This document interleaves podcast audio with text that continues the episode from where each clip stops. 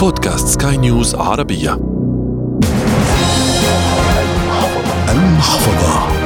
المحفظة. أهلا بكم.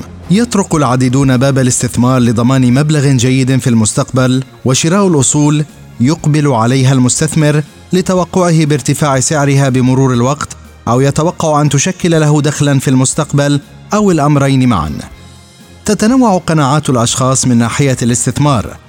فالبعض لا يرى سوى الأرض والبعض يرى الذهب البعض يرى الأسهم والسندات والبعض يرى في العملات الرقمية المستقبل.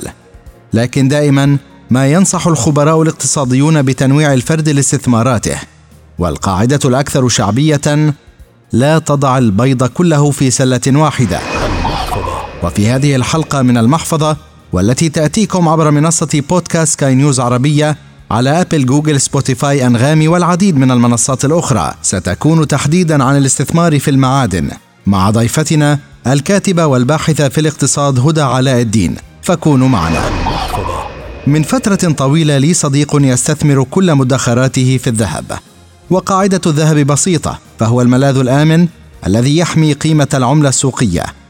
لكن اقتصاديون يقولون هو لا يحقق الربح المادي للمستثمر من خلال عمليات البيع والشراء. صديقي رأيه عكس ذلك. فدائما يقول لي لو إنك استثمرت مثلي فهو حقق لي الكثير من المكاسب. الوقت لم يفت بعد لكن سنستشير من كان به خبيرا. وضيفنا لليوم هدى علاء الدين الباحثه والكاتبه في الاقتصاد. بداية أهلا بك. أهلا أهلا أستاذ أحمد. ما هي أهم المعادن التي تصلح للاستثمار؟ بطبيعة الحال ليست كل المعادن المتوافرة هي صالحة للاستثمار. بالدرجة الأولى فينا نقول عن الذهب والفضة ومن ثم عائلة مجموعة البلاتين.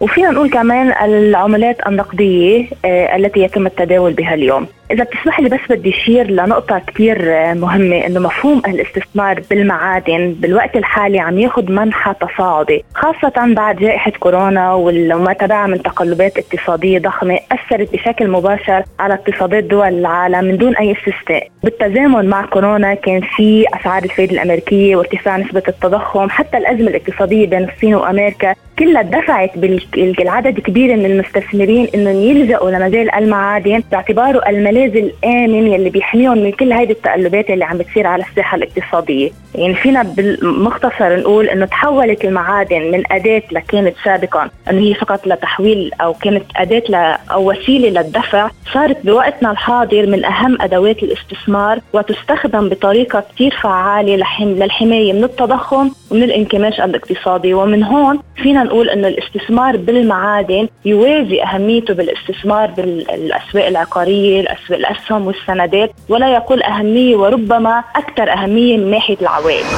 طب كيف أستثمر بها؟ هل أشتريها وأخزنها في البيت؟ أم أتداول بها على منصات التداول العالمية؟ هلا المستثمر بالدرجة الأولى قبل ما يفوت بهيدي الخطوة لازم يكون عنده ثلاث أشياء ضرورية، اولا الاستراتيجية الصحيحة، إدارة نقدية سليمة وإدارة فعالة للمخاطر، ال risk management من أهم الأمور يلي على المستثمر إنه لازم يكون على آه، معرفة فيها، كيفية الاستثمار تختلف من شخص لآخر، هلا في ناس بتحب إنه تشتري مجوهرات، تقتني مجوهرات بالبيت، تعتبر إنه هي عم بتحافظ على قيمة اموالها بهذه المجوهرات، أنا لا أنصح بالمجوهرات، يعني لحق الواحد وبده يشتري ذهب مش يقتني عقد أو حلق رسوم مصنعية عالية.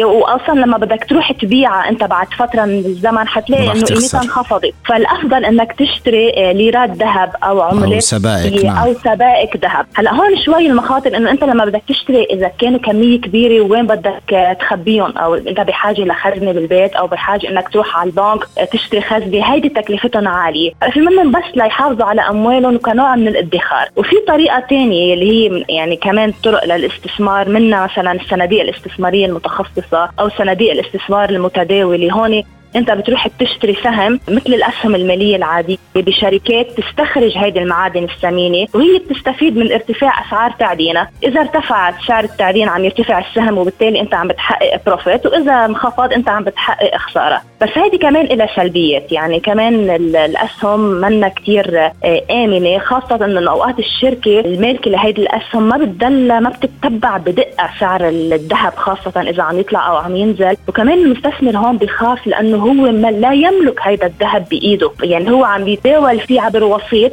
غير ما إنك أنت تكون مخبيه بالبيت عارف إنه أنت آه، تملك هيدي السبيكة أو القطعة من الذهب أنت ما كان فيك تسيلها تحصل بدالها على أموال. نعم. طب هل كل المعادن تحمل صفة الملاذ الآمن أم الذهب؟ كما يقولون الذهب يبقى ذهبا. هلا هو فعلا الذهب بيبقى ذهب. لا أكيد مش كل المعادن تحمل صفة الملاذ الآمن. يعني عندك الحديد في مشكلة الألمنيوم ما بتقدر أنت كمان تستثمر فيه نحاس كل معدن له خصائصه. بيبقى لا الذهب والفضة هن النوعين يلي أكثر شيء يعني بيقاموا الاضمحلال أو التحلل بيحافظوا على قيمتهم. خاصة يعني من 2007 إذا بدك لهلأ كل المعادن عم تعلى بس الذهب هو اللي عم بيحافظ على الوتيرة العالية. التقلبات الكبيرة يلي عم تشهدها الأسواق العالمية أدت إنه كثير من السيوله تروح للتجارة بالذهب كملاذ آمن للاستثمار. يعني في توقعات بتقول إنه حترجع الأونصة تتخطى ال 2000 دولار بهيدا العام. من هون الذهب هو من الأصول والملاذات اللي ما بتفقد قيمتها خصوصا خلال الأزمات وال... وال...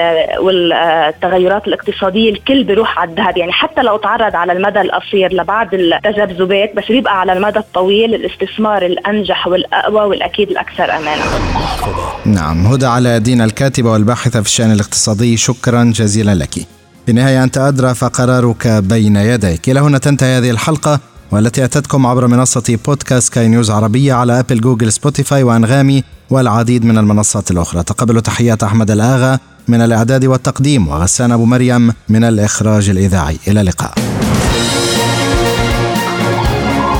المحفظة.